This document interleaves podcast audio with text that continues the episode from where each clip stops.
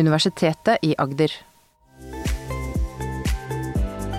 Helse- og idrettspraten. Hei og velkommen til den tredje episoden av Helse- og idrettspraten. Jeg heter Silje Grimsli og jobber som rådgiver på Fakultet for helse- og idrettsvitenskap. Der jobber jeg bl.a. med alumniordningen. Og denne fagpraten og podkasten er i regi av UiA Alumni og i samarbeid med etter- og videreutdanningen på fakultetet.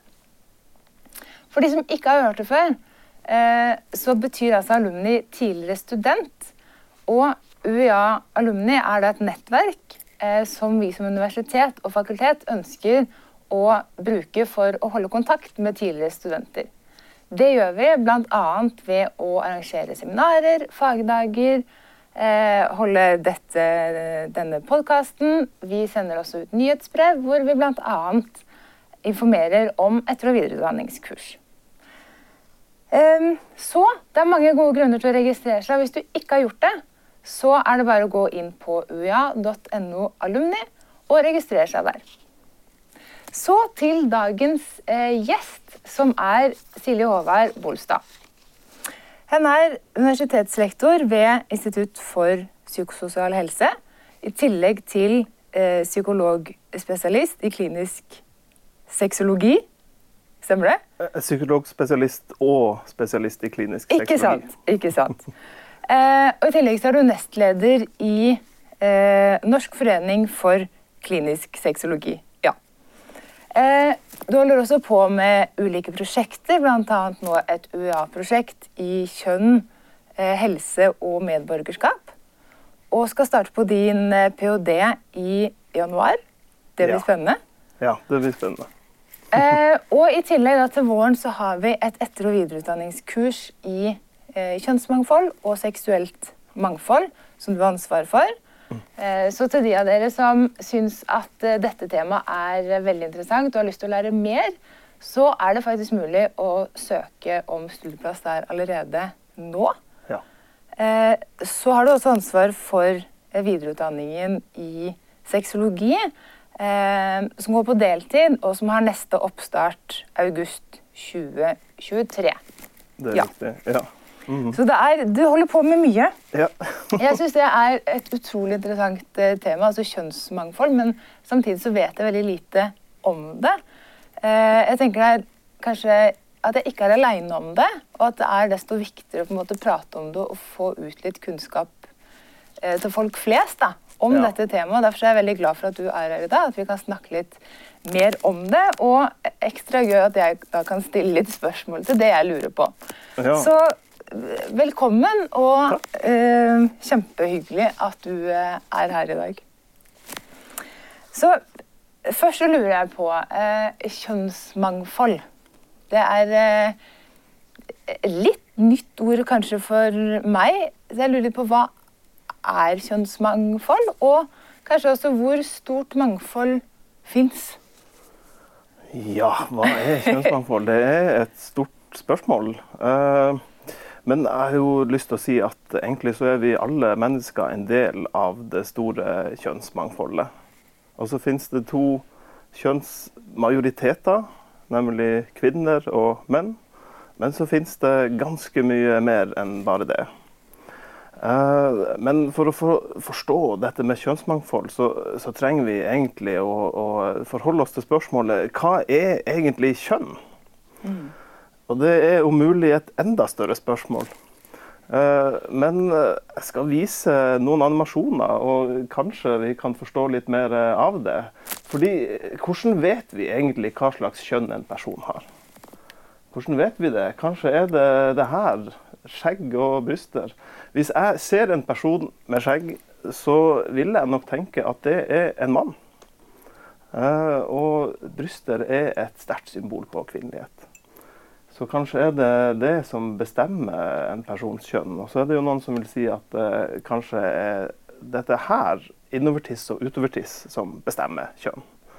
Og når et eh, barn blir født, så er det jo litt sånn at man lar tissen bestemme. um, men hva er det som bestemmer om det blir utovertiss eller innovertiss? Det er nemlig eh, kjønnshormonene, testosteron og østrogen. Og alle kropper har begge deler, men mannekropper har mye mer testosteron. Eh, og det er det som er grunnen til at det blir en utovertiss. Så kanskje er det hormonene som bestemmer. Men hvor kommer hormonene fra? Jo, de kommer fra de indre kjønnsorganene, kjønnskjertlene, testiklene og eggstokkene. Det er der mesteparten av kjønnshormonene produseres i kroppen. Så kanskje er det det som eh, bestemmer kjønn. Men hva er det som bestemmer om det blir testikler eller eggstokker? Det er nemlig eh, kjønnskromosomene, X og Y. Um, hvis det er to X-er, så blir det en kvinnekropp. Og hvis det er X og Y, så blir det en mannekropp. Så kanskje er det kjønnskromosomene som virkelig bestemmer kjønn, som er den fremste kjønnsmarkøren. Det er jo nesten ingen som eh, vet hva slags kjønnskromosomer de har. fordi at For å vite det, så må man ta en kromosomtest, og det er det nesten ingen som gjør. Så hvordan kan det bestemme kjønn? Og Nå er det jo en viktig kroppsdel som jeg enda ikke har nevnt, nemlig hjernen. Enn hvis det er hjernen som bestemmer en persons kjønn. Og Hjernen det handler jo om eh, psykologi, eh, men eh, altså, kjønn handler om tanker og følelser. Hvordan, hva vi føler om oss selv, og hvordan vi forstår oss sjøl. Kjønn handler også om det. Og Her har vi et bilde. Er det gutt eller jente? Det er jo ofte det man spør hvis noen kommer med en barnevogn, og så står det 'jeg vet ikke'. Den kan ikke snakke ennå. Kanskje må vi spørre folk for å egentlig vite deres kjønn.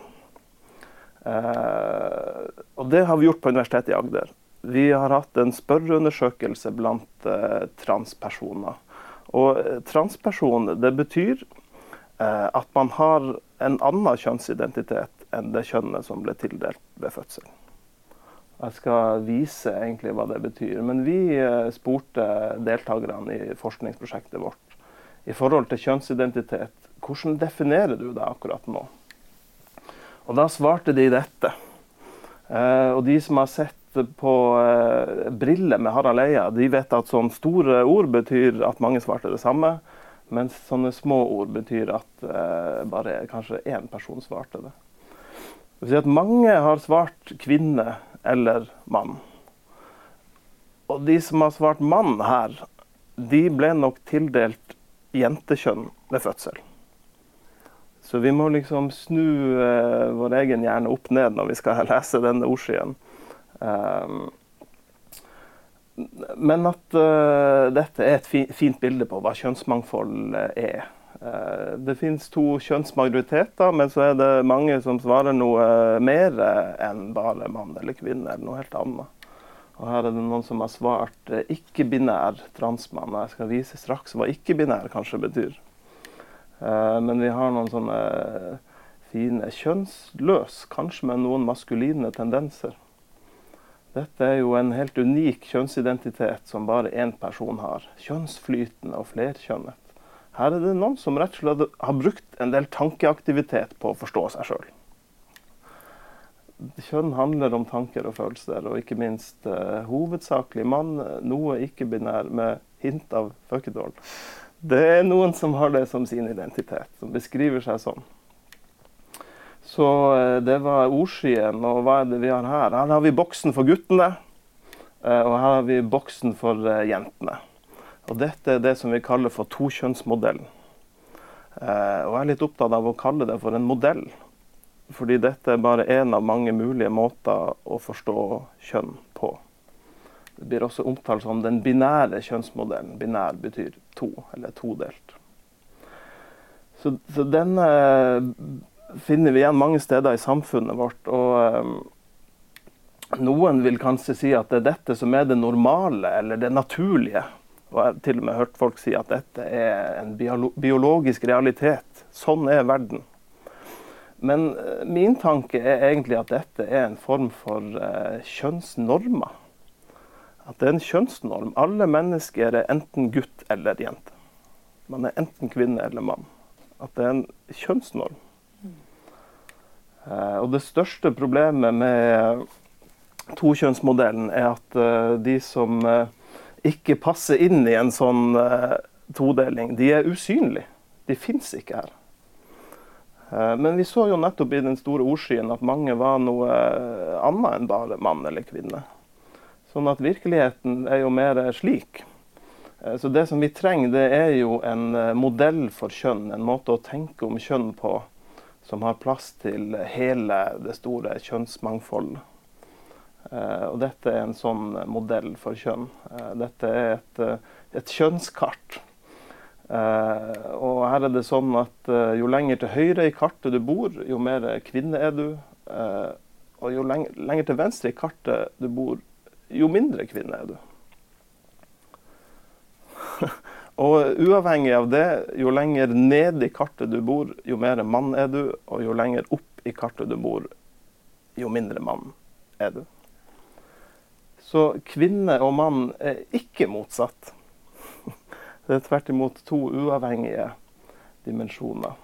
Og det gir jo veldig mange flere alternativer enn bare to.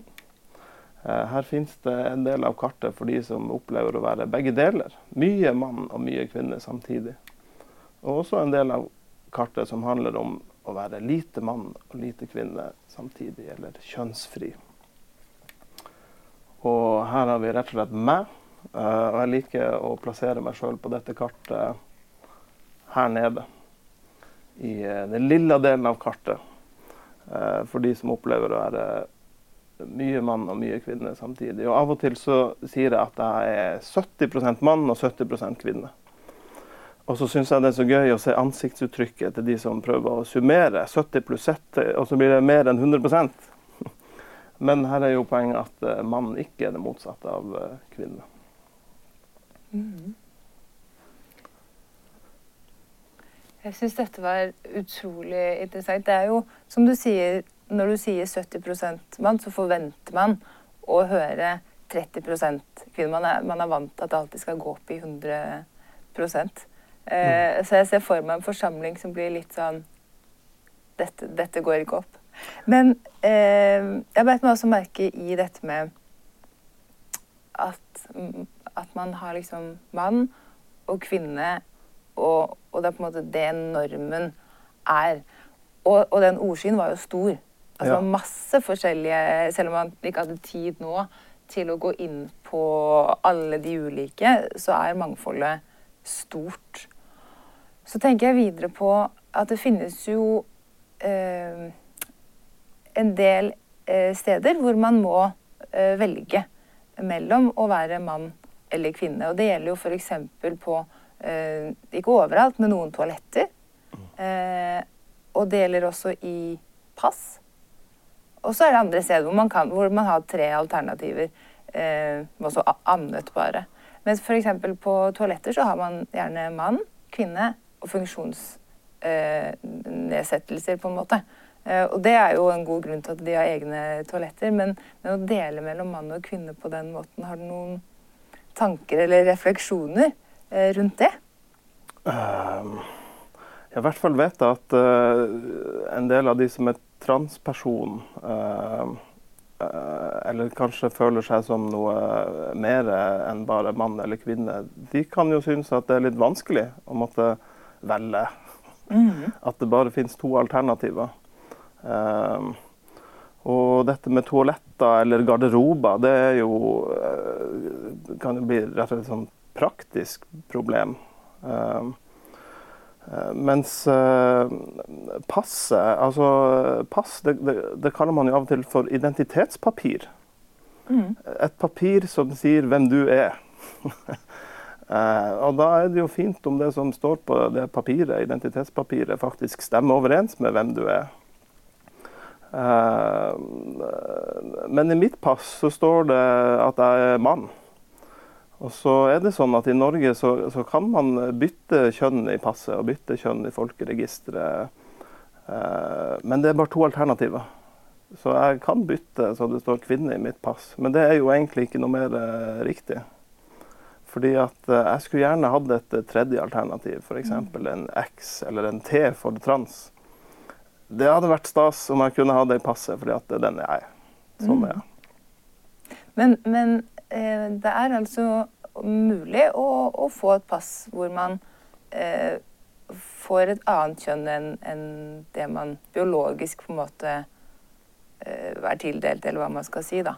Men det er nokså nytt? Ja, dette, Det vi snakker om nå, er en lovendring, eller rett og slett en ny lov som kom i 2016 i Norge.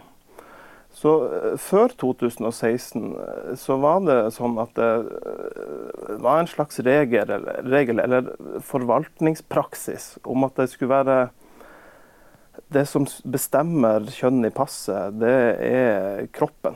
Mm. Og at det var et slags krav om at det skulle være et slags samsvar mellom kjønn i pass og i folkeregisteret og kjønnsorgan. Så før så tenkte man mer at det er kjønnsorganet som bestemmer kjønn. Men den lovendringa som sier at det er din identitet som avgjør ditt kjønn, den viser jo at man har begynt å forstå kjønn på en ny måte. At man tenker at det, at det er kjønnsidentiteten som er den, den, fremste markøren. Og at det til og med nedfelles i norsk lov og i hvordan man lager identitetspapir i Norge. Mm. Eh, så man har, jo beveget seg et steg i riktig retning, mener jeg. Det er viktigere hvordan vi føler oss, enn uh, enn hva, hva, hvordan kroppen eh, blir forstått av andre. Mm. Men det er fortsatt bare to alternativer, så, det, så vi er ikke helt i mål. Men denne lovendringa, og det er ikke bare unikt for Norge, det er sånn i mange land i verden at man har beveget seg i retning av at, at kjønn er noe som, som folk eh, Som handler om, om identitet. Mm. Eh, og hvordan vi forstår oss sjøl, og hvordan vi definerer oss sjøl. Så mange land eh, har gått over til en sånn måte å registrere kjønn på. At, ja. uh, at det ikke er kjønnsorganet, men tvert imot kjønnsidentiteten som avgjør mm. kjønn. Ja. Det er interessant. Ja. Det er interessant. Ja, Absolutt. Ja. Og fint tenker jeg også at det er eh, flere som, som på en måte går i den retningen, da, som du sier. og så tenkte jeg litt på nå var jo den ordsyn du viste i stad, eh, var jo stilt til en gruppe transpersoner. Eh, Men eh, fins det noe tall? Vet man noe om hvor mange som på en måte identifiserer seg som noe annet enn mann eller kvinne? Altså, man, vet, man, vet, noe, men uh, utfordringa når man skal forske på dette, er jo at det er så forskjell, mange forskjellige måter å, å, å, telle kjønn eller å spørre om kjønn. Mm. Så, uh, så, hva slags tall man får ut, kommer veldig an på hva man spør om. Uh, og man har jo noen tall på hvor mange som oppsøker hjelp, altså som oppsøker helsehjelp. Um, men det er det ikke nødvendigvis alle som gjør. Ehm, men jeg har sett noen nyere, relativt nye studier som, som har pekt i retning av kanskje 2-3 um, som på en eller annen måte har en, har en annen identitet enn det, enn det, kjønnet som ble tildelt ved fødselen. Mm. Det er jo en betydelig andel, tenker jeg. Eh, nå er jeg ikke lynøsk i hoderegning, men når man ser for seg Eh, nå vet jeg ikke om dette er tall fra Norge, eller om det er større befolkning. Det var ikke fra Norge. Det, det var ikke fra Norge. Men, men jo, det blir jo ganske mange personer. Eh, 2-3 er eh, en, en, stor eh, andel, tross alt. Ja. Selv om kvinne og mann definitivt er, er, det som er mest vanlig, så er det jo ganske mange. Ja, så hører det jo liksom med når vi først snakker om tall og størrelser, så så er det jo en, eh, noen som, som, vi kunne si var transperson, eller som har en annen kjønnsidentitet enn de ble tildelt av fødselen. Men, men noen av de identifiserer seg jo som, som mann eller kvinne. Mm. Som, altså, de har en, eh, en, mer sånn tradisjonell eller binær identitet, som vi kaller det. Som mann eller kvinne. Mm. Det bare er eh, ikke det de ble tildelt ved fødselen.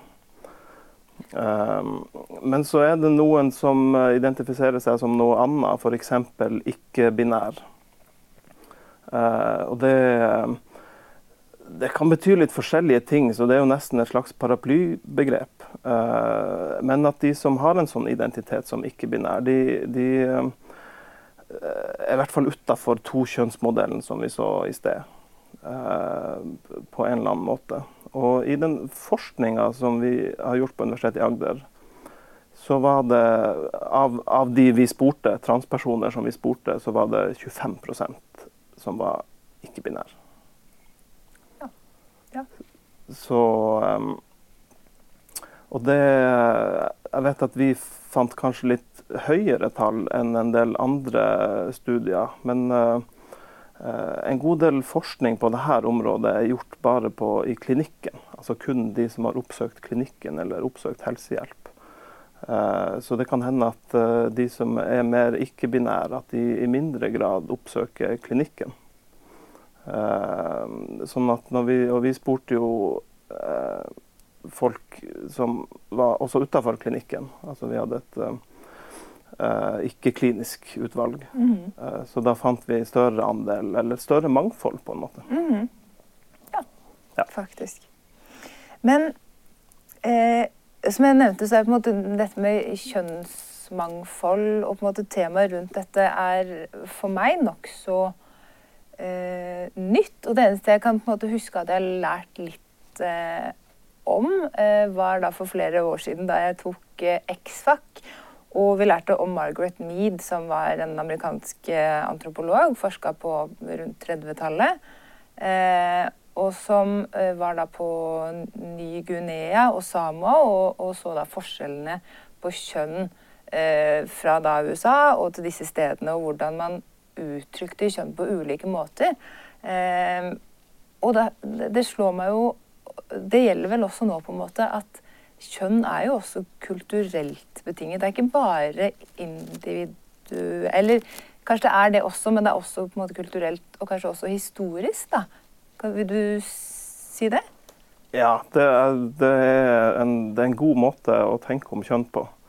At det er det handler om kultur. Altså Ingen tvil om at kjønn handler om eh, kropp, men det handler også om kultur og, hvordan vi forstår eh, kjønn, og eh, hva slags plass kjønn har i kulturen, og, og, og på, på, på, hvilken måte kjønn er um, en måte å organisere samfunnet på. uh, men om jeg kommer på noe godt eksempel. Altså, mener jeg har hørt at for 100 eh, år siden eller så, så var rosa guttefargen. Ja, og det er jo typisk eh, jentefarge nå, ja. ja. Det er jo nesten litt vanskelig å forestille seg at det skulle vært eh, andre veien. Eh, at rosa var guttefargen. Mm. Uh, men at dette med kjønnsnormer, det handler i alle fall veldig mye om kultur. Eh, og hvis vi reiser til andre steder i verden, eller om vi kunne reise tilbake i tid, så ville vi oppdage at kjønnsnormene var annerledes. Mm. Uh, og um, ja, jeg syns et godt eksempel er um, at for en 50-60-70 år siden så var det nesten ingen kvinnelige leger. Um, og jeg tror det handla mye om at det var, det var, det var kjønnsnormen var at, at, kvinner skulle ikke bli lege. Det var menn som skulle bli det. Det var en sånn norm, en sånn uskreven regel, og at det var normbrytende å, å være kvinne og skulle bli lege. Eh, men tenk på alle de dyktige legene vi gikk glipp av da. Mm.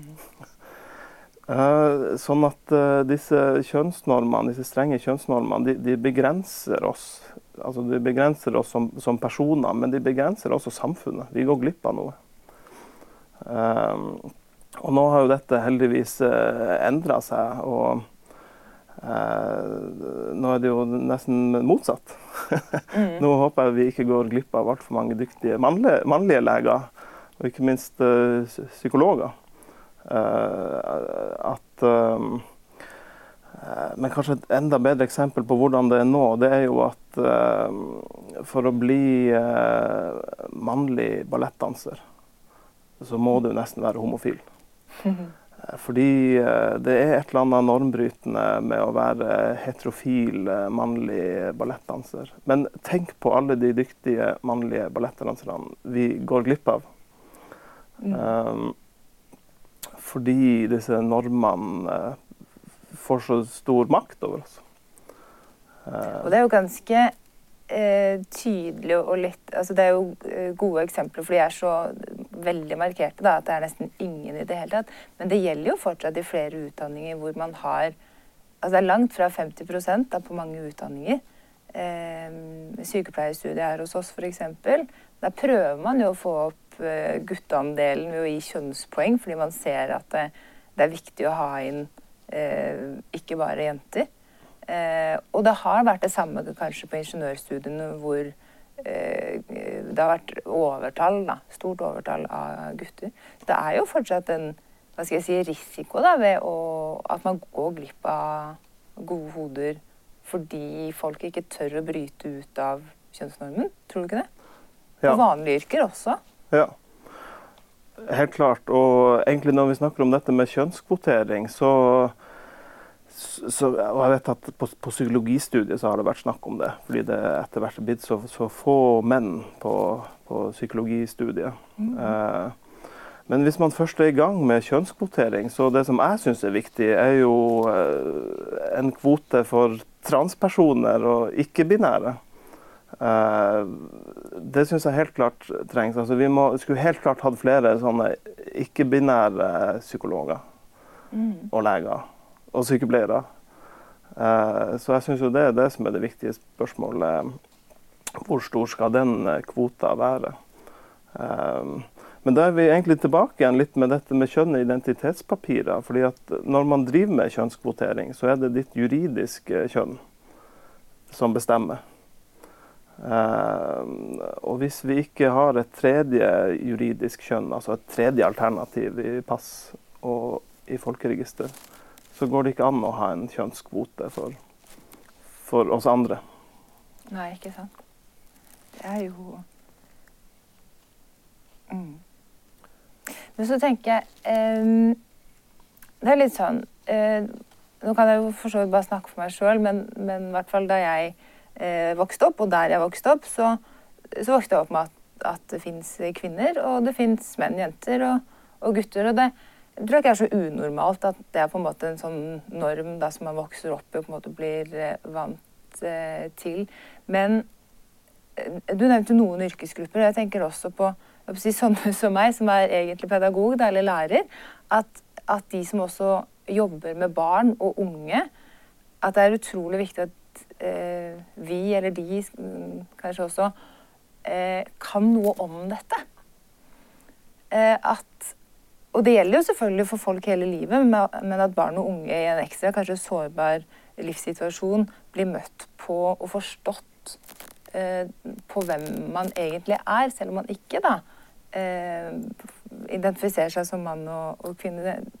Tenker du at det er eh, Eller har noen tanker rundt på en måte eh, hvem det er viktig, viktigst, på en måte? Eller er du enig i at det er viktig at pedagoger eh, også er eh, med? Det er jeg veldig enig i. Ja. Um, ja, det som jeg syns er at vi, vi, trenger flere hva skal vi si, eksperter, altså pedagoger eller helsepersonell og, og andre som, som, kan mye om kjønnsmangfold. Men så trenger vi også at, at, at alle kan litt mer. Mm, ja. Så alle skulle lære litt mer om dette. Uh, enten i grunnskolen eller når de tar høyere utdanning. Mm. Um, det kan vel kanskje også henge sammen med da, seksualitet. Uh, og at det er noe som bør inn i undervisning ganske tidlig hos barn. Ja.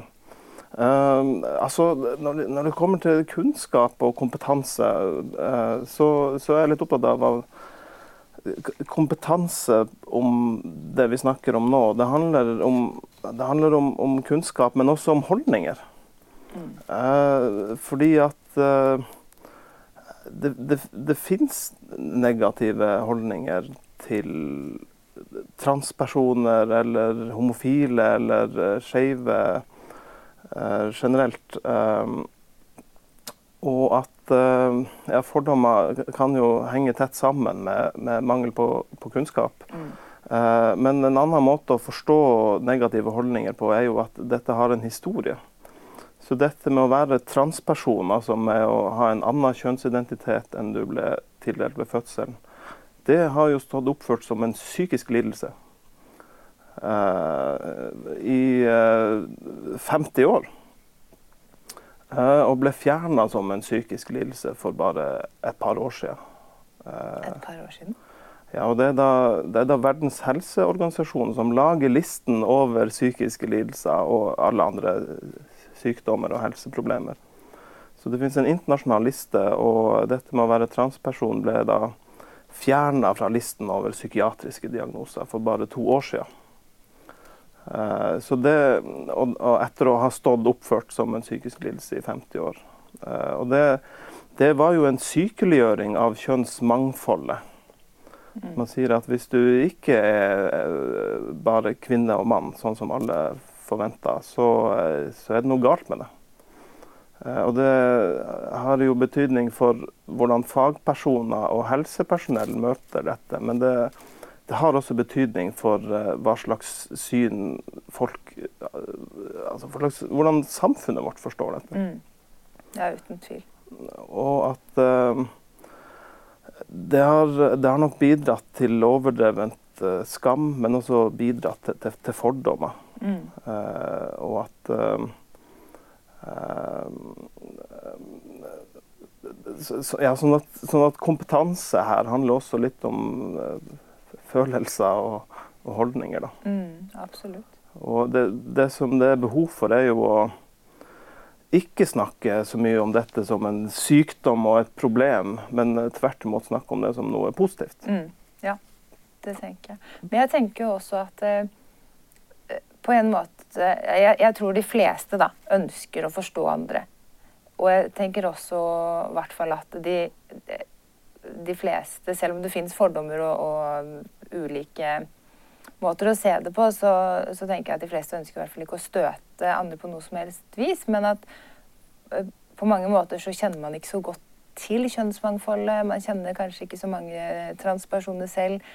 Eh, og da tenker jeg, altså Har du noen tips eller råd, eller er det noe som er viktig å tenke på i møte med eh, andre Eller de som ikke identifiserer seg som mann eller kvinne, noe man enten bør gjøre, eller i hvert fall hva man ikke bør gjøre? Fins det noen sånne hensyn å ta, tenker du? Uh, nei, altså Det viktigste er jo å være et godt, godt medmenneske. Så, så, jeg tror jo også som deg at, uh, at det er de færreste som ønsker, ønsker å støte andre. Uh, um, så om det er noen, noen råd å gi altså dette med å bruke det navnet og det pronomenet, pronomenet som personen selv ønsker, mm. det er viktig. Uh, og for eksempel så bruker jo jeg pronomenet 'hen'. Og det er jo et sånt alternativ til bare han og hun. Så når andre sier 'hen', så blir jeg veldig glad, altså. Og det er jo det som er det riktige pronomenet. Mm. så, og hvis man er veldig usikker på hvilket pronomen man skal bruke, så, så går det jo an å spørre, da. Ja. ja, for det er jo ikke alltid så godt å vite nødvendigvis. Nei, altså Hvis folk ser veldig ut som en mann eller en dame, så er det jo kanskje lett å anta det. Men i hvert fall mange av de som bruker pronomenet 'hen', de uh, ser på seg sjøl som ikke bare mann eller dame. Mm. Uh, og kanskje, kanskje, er stolt av det og har lyst til å bli sett som det. Og da er det jo veldig hyggelig å bli sett som det. Så det er jo et uh, råd. Uh, at man uh, det er heller bedre å, å spørre hvis man skulle være i tvil? Ja, i hvert fall om pronomen. Så finnes det jo kanskje noen ting man, som ikke er så gøy å bli spurt om. Så, det er vel også et annet råd at uh, hvis man ikke spør alle, alle andre om, om det, så, så, må man jo kanskje være bevisst på om man skal spørre transpersoner ja. om, om, det. Og mm. så være litt bevisst på hvor, hvorfor man spør om noe to gode råd, tenker jeg egentlig det. Jeg ser at klokka går, men så mot tampen så tenkte jeg på eh, Jeg har hørt at du har et eh, favorittord. Eh, vil du fortelle litt om det? Ja, det gjør jeg gjerne. Ja. så eh, mitt eh, favorittord, det er kjønnskreativ. Eh, så det er ikke jeg som har lagd det ordet, men eh, det syns jeg er et fantastisk flott ord. Og det er en veldig god grunn til det. Så det å være kreativ, det er en av de mest verdsatte egenskapene i vår kultur. Så, og når barn er kreative, så får de ros. Og når voksne er kreative, så blir de forfremma på jobb. Og når uh, store kapitalistiske selskap er kreative, så tjener de enda mer penger. Mm.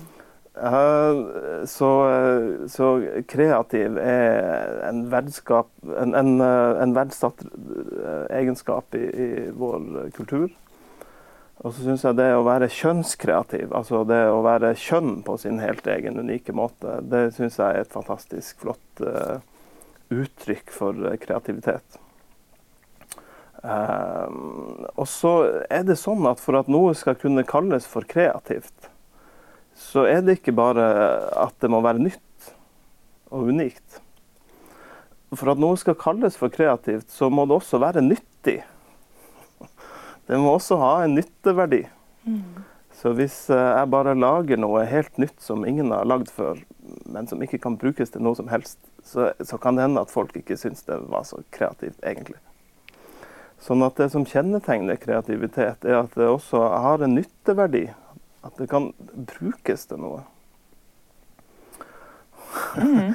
Og sånn at det å være kjønnskreativ, altså det å, å, å, være kjønn, eller å gjøre kjønn på sin helt egen unike måte, det har en nytteverdi. Så det kan ha en nytteverdi for, for deg sjøl. Så hvis du er kjønnskreativ, så kanskje det gjør deg glad, eller stolt, eller inspirert, eller rolig, eller komfortabel. Um, men det å være kjønnskreativ kan, også være, ha en nytteverdi for de rundt deg, mm. for samfunnet. Fordi hvis alle mennesker er helt like, hvis alle mennesker, mennesker er A4, så, så stopper utviklinga opp.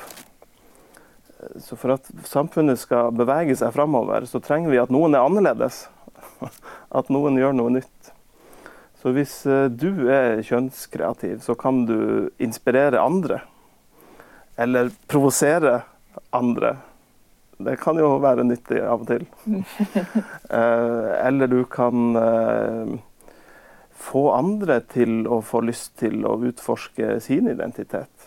Eller kanskje andre føler seg, blir enda mer trygge på å være seg sjøl. Gjøre som de vil.